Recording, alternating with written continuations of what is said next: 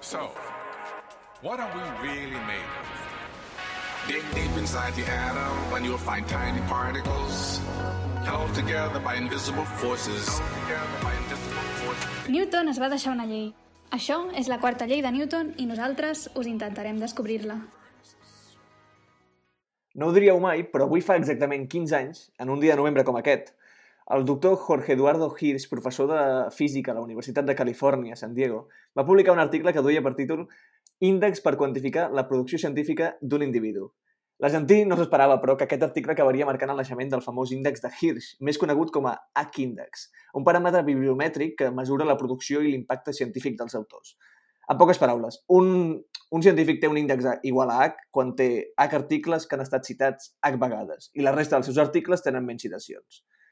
Després d'aquesta innecessària apreciació, els més murris dels nostres oients, els que segur que s'autocitarien per incrementar el seu H-índex, s'estaran preguntant ara mateix per què comencem des de bon principi parlant de valoracions numèriques i escales injustes? I per què donem suport a un sistema que, si fos en llibres, mesuraria els llibres pel nombre de vendes i no tant per la qualitat literària? Tot i que, fet i fet, crec que també funciona així. Serà una bona pregunta, a la qual no tindrem resposta, però, però és que avui, a la quarta llei, el podcast més biodivertit, valorarem i parlarem d'algunes de les grans idees que han parit les ments més brillants d'aquest planeta. I tot i que no farem servir l'H-índex, necessitarem uh, alguna escala. Després, evidentment, també parlarem d'algunes de les idees que han parit les ments menys brillants d'aquest planeta, com no podria ser d'altra manera. I per acabar, descobrirem la vida monacal d'un frare que, nascut entre Blanes i Xerreroi, quan això de l'H-índex no era res més que una nit d'estiu, va fer, a diferència de Mendel, alguna cosa més que plantar i barrejar pèsols. Un home que, gràcies a Déu, va entendre alguna cosa. Gerard, Pau, Miquel, benvinguts a la Corta Llei. Benvingut.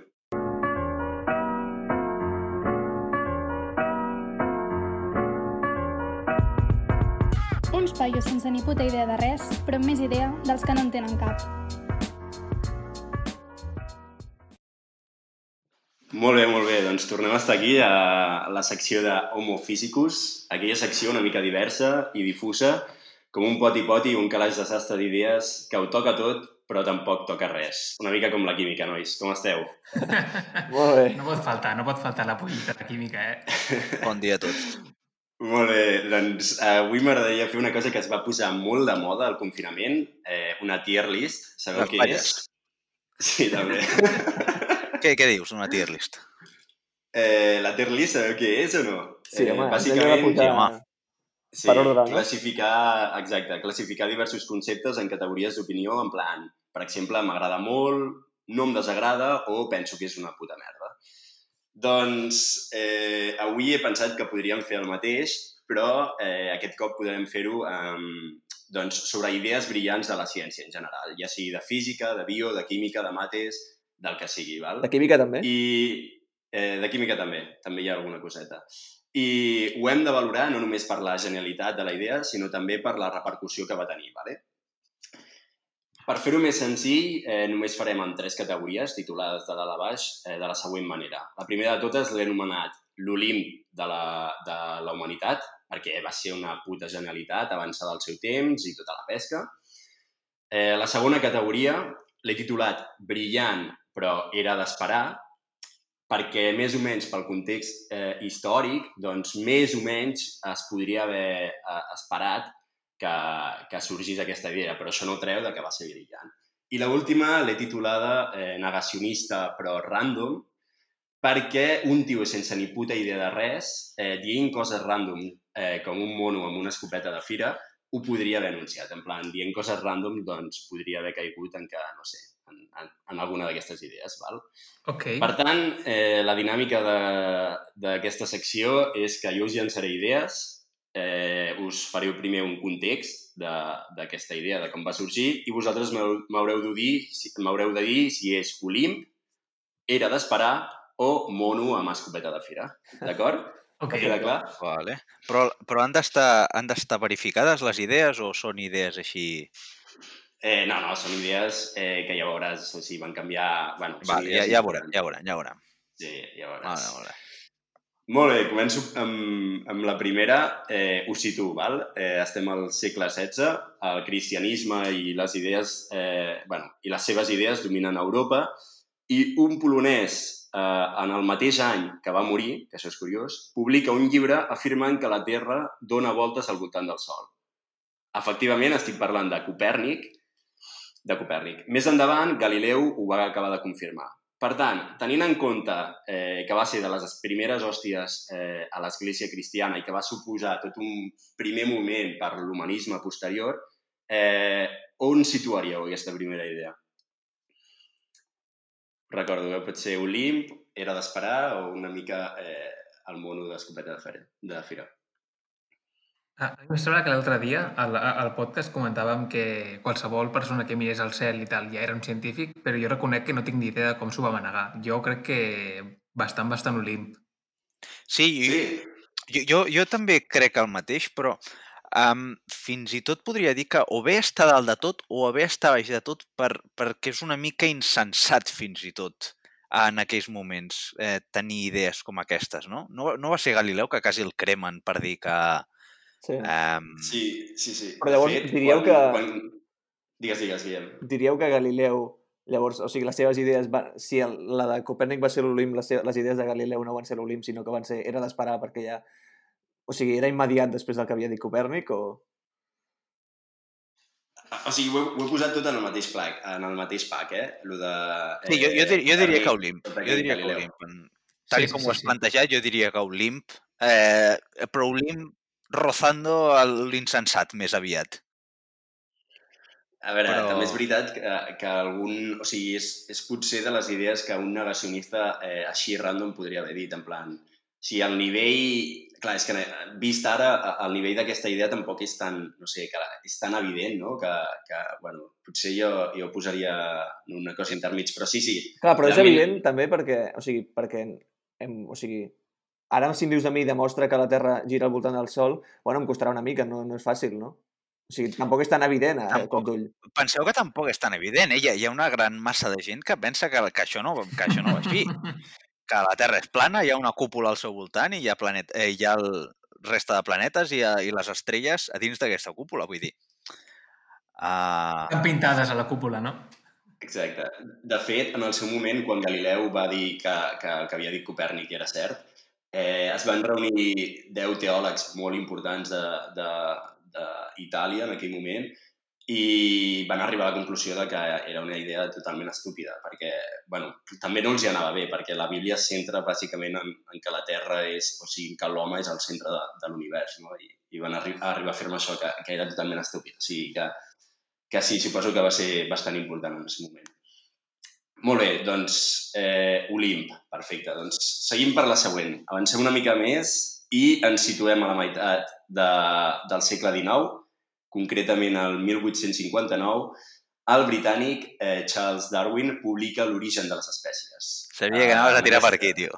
Sí, tio, és un clàssic, és, és- un eh. clàssic. Eh, aquesta obra exposa, com ja sabeu, eh, com les espècies han evolucionat al llarg del temps a través de la selecció natural. I, bueno, on la situaríeu?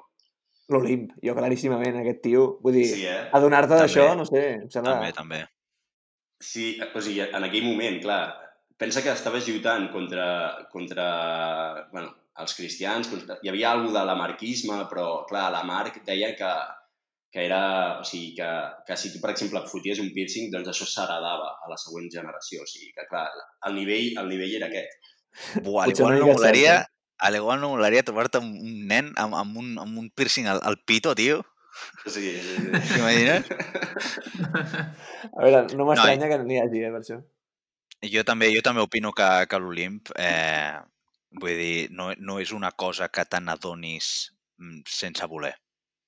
Bueno, de O- fet, Sí, sí. de fet és una teoria, o sigui, no està demostrada, no? Però, però igualment, bueno, o sigui, sí, sí. esperem com a bastant certa. I el tio, a més a més, es va enfrontar... evidència. Aleshores, eh, Sí, sí.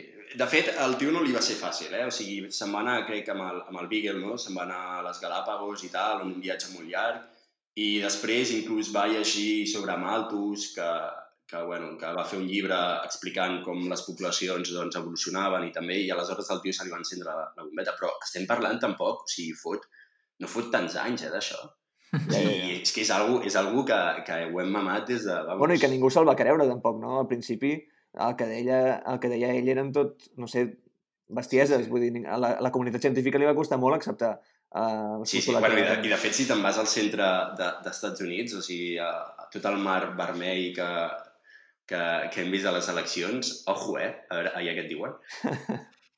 Això, això és molt cert, però jo, jo crec que el, aquest llibre i, i Darwin és un exemple de ciència ben feta en el sentit que va teoritzar unes idees i va fer uns experiments, unes, eh, uns estudis que reforçaven aquestes idees d'una manera molt clara. Crec que si el Guillem hagués fet un review d'aquest article, segurament l'hauria passat. Sabem que el Guillem és un revisor dur, però crec que l'hauria acceptat. Sí, sí, sí, sí, sí, sí. Quina fama. Sí, el Guillem és un crític dur. I suposo que això és, és de les úniques coses de biologia que comentarem durant uns dies, Sí, no? sí, Ja ja ens- això és ja el que anava a dir. Que... Ja tenim sí, el cupó. exacte, que... Ja ens hem sí, cansat. exacte, o sigui, ja, ja ho hem saturat.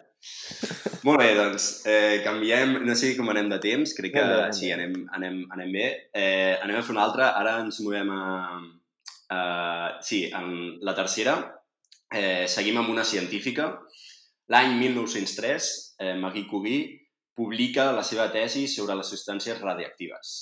I, bueno, aquest, aquesta és una mica tricky perquè heu de pensar també les implicacions que va tenir per la bomba atòmica i, bueno, per tots els, estu per tots, eh, els estudis que, que va impulsar en plan de l'àtom, que gràcies a això també es va desenvolupar la quàntica i, bueno, eh, què us haig de dir de, de la quàntica, no? Per tant, aquesta també, què, què n'opineu?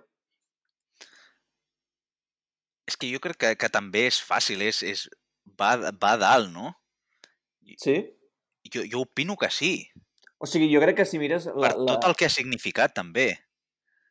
Um, Clar, però, però en si, o sigui, per, més enllà de la significació, si mires la, la teoria de l'evolució, és com molt més think outside the box, no?, la teoria de l'evolu- de l'evolució. Sí, En sí, canvi, estic això d'acord. potser anava I més això no ho era? que hi havia. això no ho era, la, la radioactivitat no, no se sabia res fins aleshores. I, i Ja. Marie Curie sí, sí va llançar directament. Ah, Fins i tot va morir d'això, no? Eh, Sí, va sí, morir sí, de, sí, de sí. càncer produït pel, pel radi en Sí, sí. descomposició. Sí. Aleshores, Sí, I, de fet, raó. I de fet, Marie Curie és l'única eh, persona que ha guanyat un Nobel de Física i de Química. No sé si persona, Sí, sí, però exacte. segur que l'única dona. Sí, sí, sí, sí. sí. Aleshores- Exacte, molt cert. Aquí, Sí, podria estar a l'Olimp, però he de dir que, clar, si ho comparo amb, amb l'evolució, jo estic amb el Guillem. O sigui, a mi em sembla, lo de l'evolució em sembla molt, molt, molt més heavy que la radiació. Però això no treu de que, de que sigui, Sí, de que sigui a- brillant. a- I, en aquest sentit em recorda una mica el que discutíem eh, a- a l'altre cop de que Newton eh, havia entrat a la selva a matxet i després Einstein ja s'ho ha, ja ha trobat tot una mica preparat i va seguir endavant. Però això, Darwin és una cosa molt més trencadora, però sense treure mèrit per res a, a Marie Curie. Ta- També depèn una mica de, de com facis l'avaluació, perquè si compares el tema amb altres, igual acaba mm, igual perdent una mica, però en si mateix ja, és, ja, ja va ser un, un, un descobriment trencador. Saps? Igual si ho compares amb lo de Darwin, que em deies tu, pues, sí, potser no tant. Però per si mateix, sí, sí.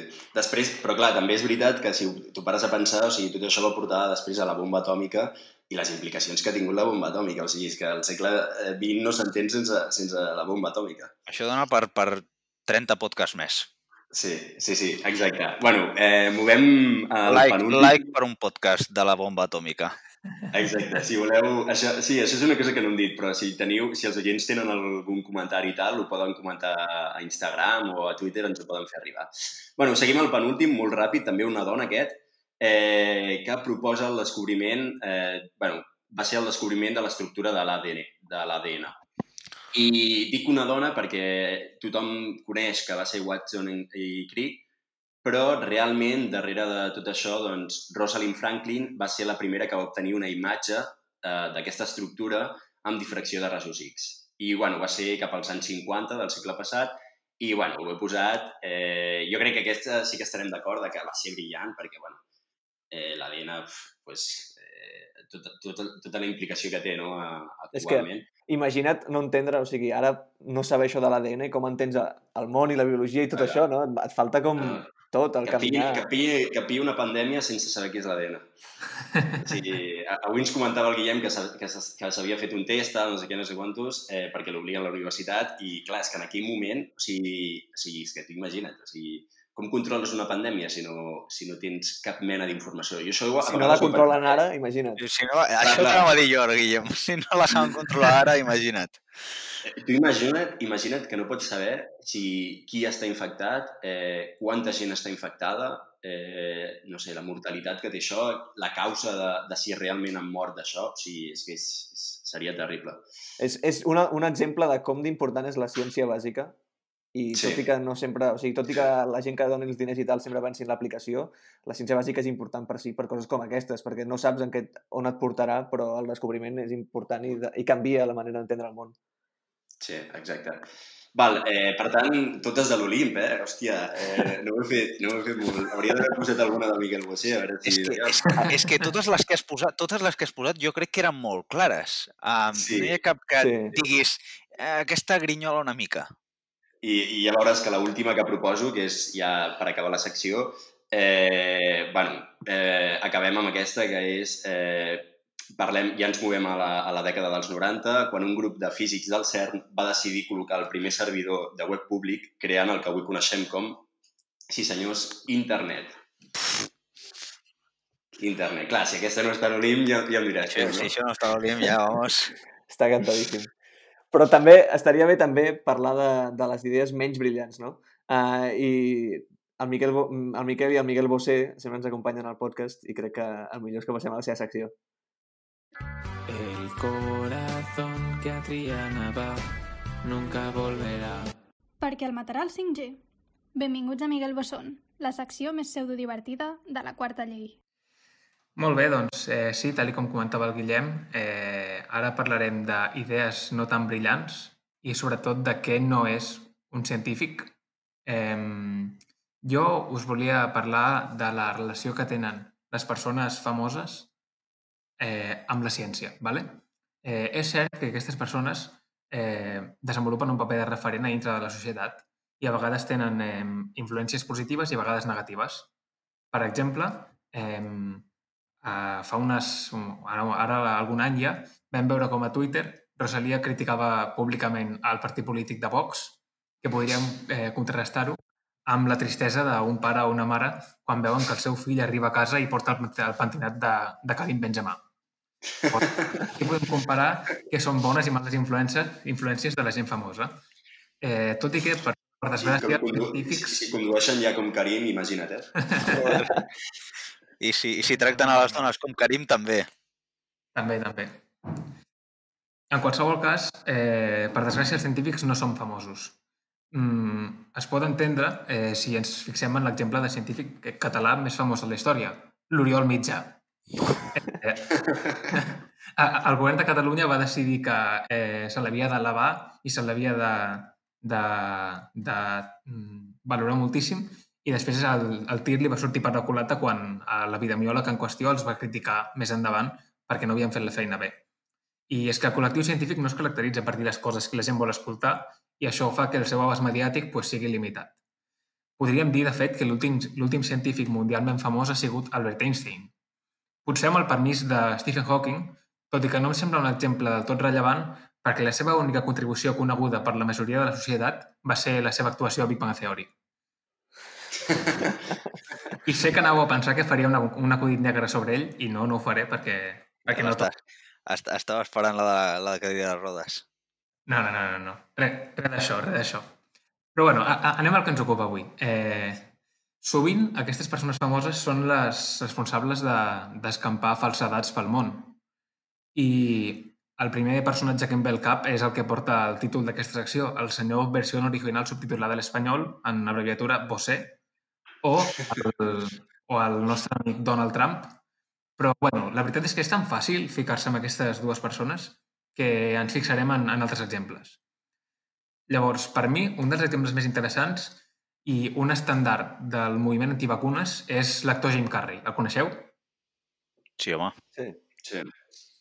Eh, a- aquest home és molt famós per la, per la seva actuació en pel·lícules com La Màscara o Dumb and Dumber, que en català es va traduir com a Dos ximples molt ximples, però no està protagonitzada pel Gerard i pel Pau, com hauríeu pogut pensar.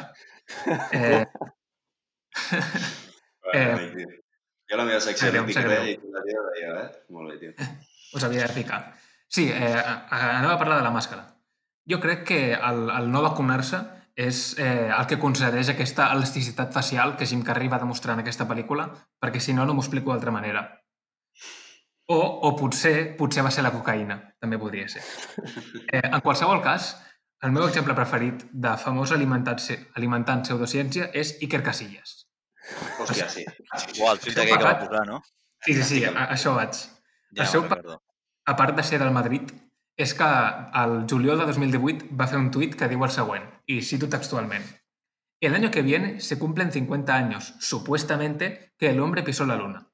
Estoy en una cena con amigos, discutiendo sobre ello. Elevo la tertulia al público. ¿Creéis que se pisó? Yo no. Telita, telita. Això em fa pensar que jo quan era petit tenia un veí que era molt gran i que sempre em deia que des de que els 69 havien posat els peus a la lluna les coses havien començat a anar malament. Havien portat un virus de la lluna. No sé, però jo hagués pagat per, per estar a la conversa de, a, amb Iker Casilla i els, i els seus col·legues, eh? a veure com, com era el nivell. Eh? Jo, jo el que no entenc és com degenera una conversa d'Iker Casillas en si l'home ha arribat a la lluna o no. Saps? Podem parlar, podem parlar dels zeros que té el teu contracte anual? Com parles d'això? I també t'he de dir que Sí, sí. el moment en el més profund de la seva conversa, eh? Parlar sobre l'home com... i la Més lluna. profund de, de tota la seva vida, tio. No, no sé si, si han arribat algú més. Que després arriben a casa i diuen ui, qué, qué conversa tan profunda hemos tenido hoy. Me duele la cabeza, me voy a dormir un rato. Definitivament ens agrada ficar-nos en futbolistes, eh? En, en qualsevol cas, a, en aquest tuit, eh, la revista National Geographic eh, el va contestar amb un article de moltíssimes proves que, que demostraven que l'home sí que havia trepitjat la Lluna. Eh, llavors, doncs, si algú vol la... Evidentment, Iker Casillas va contestar, com fan tots els negaci- negacionistes, bueno, eso será tu opinión. La veritat, va contestar això, això no ho he vist. No, no, però ho fan tots. Ho fan tots. Li va Sí, dir, No, no, en cosas serias, ¿no? Porque cada tal, tal, no sé qué, no sé qué. li va dir a la Sara en, en, en privat. Jaque mate ateos. Perdona, perdona, Bueno. que ja ahí Miquel Cés. Sí, en qualsevol cas, si algú vol saber la ciència darrere d'això, pot anar a buscar l'article que va compartir aquesta revista. Jo he vingut a parlar de la pseudociència i llavors vaig a seguir desenvolupant aquest concepte perquè, per més INRI, el senyor Iker Casillas va acompanyar aquest tuit d'una enquesta on deia eh, sí, se pisó la luna en el 69 o no, nos la colaron. I aquesta enquesta la va guanyar el sí. Eh, sí que s'havia trepitjat la lluna. I la va guanyar amb un marge del 17%. Hòstia. Curiosament, 17%, el nombre 17 és el mateix nombre de gols que Messi li ha marcat en tota la seva carrera. Oh, Coincidència? No crec. A, a més, us prometo que és veritat que ho vaig buscar. Illuminati. La casualitat. Uh, us prometo que és veritat, eh? vaig buscar un article al diari Esport. En fi, O a 17 vols són molts, eh? en fi, com que jo no vull ser menys i també vull tenir les meves eh, pròpies conspiracions, eh, vull proposar la meva i preguntar-vos a vosaltres eh, quina credibilitat en doneu. Vale? Llavors, hi ha una conspiració que m'agrada molt que és com va ser possible que Miguel Blesa es suïcidés amb una escopeta si aquest home no tenia els braços tan llargs? Ah, és broma, és broma. A, a, a, a, de veritat, vale, això és... M'he cagat perquè no, no tinc ni idea de qui és aquest pavo. Sí, sí, Bueno. hòstia, jo vaig, jo vaig escoltar justament un podcast sobre el tema aquest, que ja en parlarem, però és tot el tema de Bankia i de Rato i de tot això, que al final aquest tio... Eh, bueno, eh, Sí, bueno, bueno. ja, ja en parlarem un dia, però sí, sí. Ah, A, va- a, aquest home era un peix gros, aquest home era un peix gros eh, que no, no, no sé per on parava exactament i fa uns anys es va suïcidar. És igual, això és... és- li deien el Dandy. Re, reconec que he copiat aquesta frase d'una cançó, no, no importa. Eh, jo a- vull anar a la conspiració de veritat, a la conspiració que jo m'he inventat i amb això acabaré i vull que em digueu quina, credi quina credibilitat en doneu, ¿vale? Vale, Diu vale. així.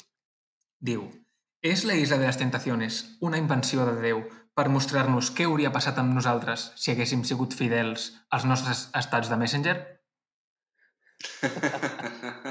Uf. Hòstia, el Messenger. Home, Hòstia, però, però Mike, és real eh, la, la isla de les tentacions. O sigui, tu planteges com, com un hipotètic cas, no? Però, però és que hem arribat, hem arribat a aquest punt. Però és que jo, jo no sé els vostres estats de, de Messenger del seu moment, però el meu era eh, amigos, futbol sala, no sé què, i, i, i, i molts emojis, i, i, i tot escrit malament a posta, a, a moltes R's on no tocaven i coses així. Sí, és aquell parèntesis que tens a la teva vida entre els 12 i els 18 anys, no? Que, que passen coses rares i no, i no te n'adones. Però ara que has tret això de la Isla de les Tentaciones, jo, jo vaig veure un capítol a casa meva i, i t'he de ser sincer, no vaig durar més de 5 minuts en aquell capítol, perquè eh, tot em semblava malament en, aquell, en, aquest, en aquest format. Em sembla tot malament. És a dir, vas a un programa en el que la premissa és que eh, hagis de ser fidel a la teva parella, però et posen gent perquè siguis infidel, aleshores ets infidel i després la teva parella es queixa, però també ha estat infidel, aleshores què passa aquí? M'he perdut. No sé, fa estona que no segueixo. Qui... Sí. És una mica jo, com a- Jo crec que també... Digues, digues, perdó. No, és com una mica com, a, com el paradís abans que aprovéssim la, por- la poma prohibida o... Sí, o abans que els hi posés un servei, no? Però, no, sí, sí, o sigui, a veure, és un tema superinteressant, o sigui, podríem debatir molt, però a mi el que em fa més ràbia de- d'aquest programa és eh, com, o sigui, al final el que proposa és no, eh, t'has de, de... O sigui, al, al final el que, el, que, el que ve a dir el programa és eh, si han sigut eh, fidels, no passa res perquè, o sigui... Eh, bueno, és igual, és igual. Bé, sigui, si has, estat, si, has, si has estat fidel, eres tonto perquè la teva nòvia no ho ha estat. I, i podries haver-ho estat i haver-t'ho passat bé. I si, has, I si has estat infidel, pues eres malo porque tu novia no lo ha sido. Aleshores, Sí. sí. és la premissa d'aquesta merda de programa que no serveix per res. Si Darwin hagués eh, trobat aquella illa per casualitat, hagués dit, hòstia, pues el meu, eh, el meu estudi no va enlloc, vaya puta merda, vaya merda de tot, saps? Ja Sí, m'estic sí. cantant, disculpeu. No, no, sí, sí, sí, sí, sí, és, Joder. és, és, el que, és el que tu dius. Però És, bueno. és que, a més, molta gent ho mira i em, i em posa nerviós, perquè, no sé, no, no entenc per què. Així, Pau, tu ets més de persones com capellans i científics, no? Com, com Lemaitre, no? Sí, Millor que passem a la teva secció, doncs. El quadern de Pitàgores, perquè tots els genis tenen les seves coses. Bueno, bueno, bueno, bueno. Benvinguts sigueu tots de nou. Quartallers a la secció on de la mateixa manera un quadern de bitàcula explicarem tot tipus d'anècdotes que els hem passat als científics més grans de la història. Per l'episodi d'avui tirem una mica endavant en la dimensió temporal des de Newton per trobar el nostre proper objectiu. Un belga més belga que el gofre i que el fet de ser el país més avorrit de tota Europa. Avui parlarem d'en Georges Henri Josep Eduard Lemaitre, que, com ja comença a ser habitual, l'anomenarem Jordi per tal de caure per tal de no caure en desgràcies pronunciatives. Aquest bon home va néixer a finals del segle XIX i va destacar sobretot en els camps de l'astronomia en el camp de l'astronomia dins la física. Ell va ser el primer acadèmic reconegut en proposar la teoria de l'expansió de l'univers, que durant tant de temps s'ha atribuït incorrectament a Edwin Hubble. I també va ser el primer en formular la llei de Hubble-Lemaitre, fent una estimació de l'ara anomenada constant de Hubble. Tot això, previ a les, eh, tot això previ a les publicacions del propi Hubble, que també té mèrit. Finalment, va proposar la que seria la teoria del Big Bang. Per cert, eh, Big Bang no és el mateix que Big Ben, d'acord? Eh, Big Bang és, és d'on ve l'univers, doncs se suposa que ve l'univers i Big Ben és el rellotge aquell que hi ha a Londres, d'acord? Ja, ja podeu Merci per aprovar aclarar-ho, primer, Pau. Merci. ja podeu aprovar primer de primària amb tot això. Però, però us, sor- u- us sorprendríeu de tota la gent que s'equivoca amb això. Um, sí, va proposar la que seria la teoria del Big Bang, a la que va anomenar hipòtesi de l'àtom primigeni o ou còsmic, i que, com veurem més tard, va resultar molt convenient per a alguna gent. Així doncs, durant les primeres etapes de la seva vida, li va tocar viure la Gran Guerra, durant la qual es va llistar a l'exèrcit belga.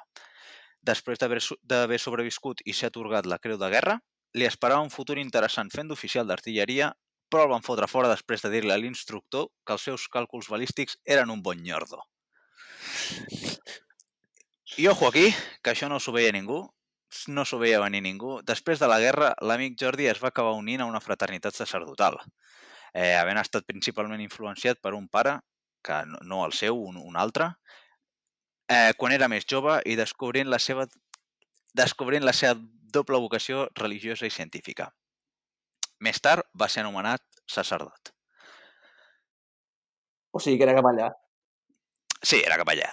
Però tot i no ser el primer eh, sacerdot científic de la història, eh, en una època tan moderna no deixa de fer un, no deixa de ser un, un fet xocant, ja que no és gaire eh, comú últimament. Uh, ja en aquells instants, els seus professors, veient l'interès del noi en física i matemàtiques, li van recomanar que estudiés la feina eh, de l'Albert Einstein, amb qui mantindria una curiosa relació més endavant. El 1927, en Jordi publicava un article amb la seva feina fins aleshores on proposava una explicació teòrica d'un univers en expansió fent servir dades astronòmiques de l'època. Però no se li va fer gaire cas. Aquesta teoria descrivia un univers amb una massa que és constant i un radi que creix amb el temps i ell mateix va demostrar que la relativitat general d'Einstein produïa solucions consistents amb aquest model. El mateix any, eh, una petita anècdota, l'Albert va anar a un concert a un congrés a Brussel·les on en Jordi se li va apropar... Un congrés, un congrés, no un concert. A la Beyoncé a Brussel·les. No, no. Se li va apropar... El Jordi se li va apropar sigilosament per parlar de la seva feina i el, el Einstein li comenta que, tot i que les seves matemàtiques són correctes, la seva física és, quote, abominable. Hòstia. Aleshores, decidit a demostrar que no s'equivocava, en Jordi es va colar a la visita que el professor August Picard feia a l'Albert pel seu laboratori per, per tal de seguir convençant i, i doncs, fer-lo canviar d'opinió. Tal va ser el punt de la seva pesadesa que el professor Picard va decidir començar a parlar en alemany amb l'Einstein, idioma que no entenia eh, el belga. Aleshores, segur que a vosaltres us ha passat aquesta situació d'estar amb gent eh, estrangera que no coneixen el vostre idioma i o entre ells es posen a parlar aquest idioma o vosaltres us poseu a parlar amb aquest idioma amb una, amb, amb una persona que parla català o castellà. I sempre penseu, joder, eh, és que m'està insultant, fijo. O, o dieu, eh, l'anem a insultar ara que no ens entén? Sí, sí. Us ha passat. eh, No ho negueu, us ha passat. Sí, sí, sí, sí. Confirmem. Ojo, ojo, que aquell moment que el cura et diu "Psst, psst, ei tu, vine aquí, vine aquí, et diré, et diré una coseta. Ei, tu que et bateixo, sense que t'enteris. Dios. No, no, però, però hòstia, no, no fotem. Eh, pobre Lemet, pobre Lemet, era un fiera. Era un fiera, era un crac. Era Però l'Església què va dir de, de les seus, dels seus descobriments? Ara venim a això, ara venim Ah, a això. vale. El jefe, el jefe gran, què va dir de, de tot això? Què li deia a les pregàries? Aleshores, tot, tot i així, la relació amb Einstein acabaria millorant fins al punt que el propi Einstein eh, afirmaria més endavant que en Jordi era la persona que millor havia entès totes les seves teories sobre la relativitat. Un altre punt important a la seva vida arribaria a principis dels anys 30 quan publicava la seva idea sobre l'origen de l'univers, on proposava l'existència d'una singularitat, d'una singularitat inicial, l'explosió de la qual donaria lloc al mateix univers. El papa de l'època eh, trigaria poqueta estona en acceptar l'explicació, ja que encaixa a la perfecció encaixa a la perfecció amb la figura d'una divinitat que, eh, com qui no vol la cosa, col·loca ja una singularitat i a partir d'allà es crea tot. En set dies. No sé si en set dies, però en poqueta estona. Bueno, però comença a quadrar. O sigui, la Bíblia, ojo, eh? Ojo, eh? Que això ja va dir... La Bíblia diu, hòstia, els científics ens porten a la contraria, però, però, ojo, aquest no, eh? Aquest no, vinga, vinga. Toma, Galileu. Tira per allà, tira per allà. Sí mateixa. Um, és per això i pel fet que en Jordi fos sacerdot que la notícia no és gaire ben rebuda en el món científic. Però en la seva defensa he de dir que ell no volia relacionar física i religió eh, de cap manera i sempre es va mantenir doncs, eh, separat, va mantenir les seves idees científiques separades de eh, l'Església. Igualment, amb els pals dels anys i les posteriors observacions, es fa cada cop més notable que l'explicació té tot el sentit de l'univers. Eh, punt intended. Fins i tot hi ha el rumor boníssima. que després d'una conferència al 1933, Albert Einstein li va dir aquesta és l'explicació més maca i satisfactòria de la creació que mai he sentit. Si això és veritat, aquella nit va haver-hi més d'un Vladimir segur. als posteriors anys, als posteriors anys eh, Lemaitre va descobrir un nou hobby, que són els càlculs numèrics, on s'hi dedicaria fins patir un infart i estirar la pota. Es pot dir que va morir poc després de sentir la notícia del descobriment de la radiació de fons de microones còsmiques que donava bastanta força a la seva teoria del Big Bang. Recordem? No el mateix que el Big Ben. Sí. Així que almenys doncs, eh, la va palmar content. I bueno, ja com a, com a últim apunt, i d'acord amb els seus vots com a sacerdot catòlic, mai es va casar ni va tenir cap fill. Aleshores, si sumem eh, 3pi més 4e i assumint amb una mica de sort, eh, per nosaltres, no, no per ell, que no va intimar amb cap altre ésser humà, ja són dos al club de Newton. Som! I si, si no heu entès la referència, us remeto a l'episodi anterior. Salut a tots. Di- Diríeu que, diríeu que la llei de... Ah, perdó, que la idea de, de l'Emet que està a l'Olimp era d'esperar o és de les pitjors? No sé, però jo, o sigui, l'Emet de fer una cosa que nosaltres quatre eh, mai farem, que és entendre la relativitat general. O sigui, que té, té els meus... Els Espera, espera, meus- nosaltres quatre i, i, i el 90% de la comunitat científica. Correcte. Molt bé. Doncs um, crec que crec que ho haurem de deixar aquí per avui, però, però moltes gràcies, nois. No tingueu por de pensar i gràcies per escoltar-nos. I fins, fins la propera. Ha sigut un plaer. Som-hi! I aquesta és la quarta llei. Quod erat demonstratum. Si la voleu entendre més a fons, escolteu-nos al proper episodi i seguiu-nos a les nostres xarxes socials a arroba la quarta llei.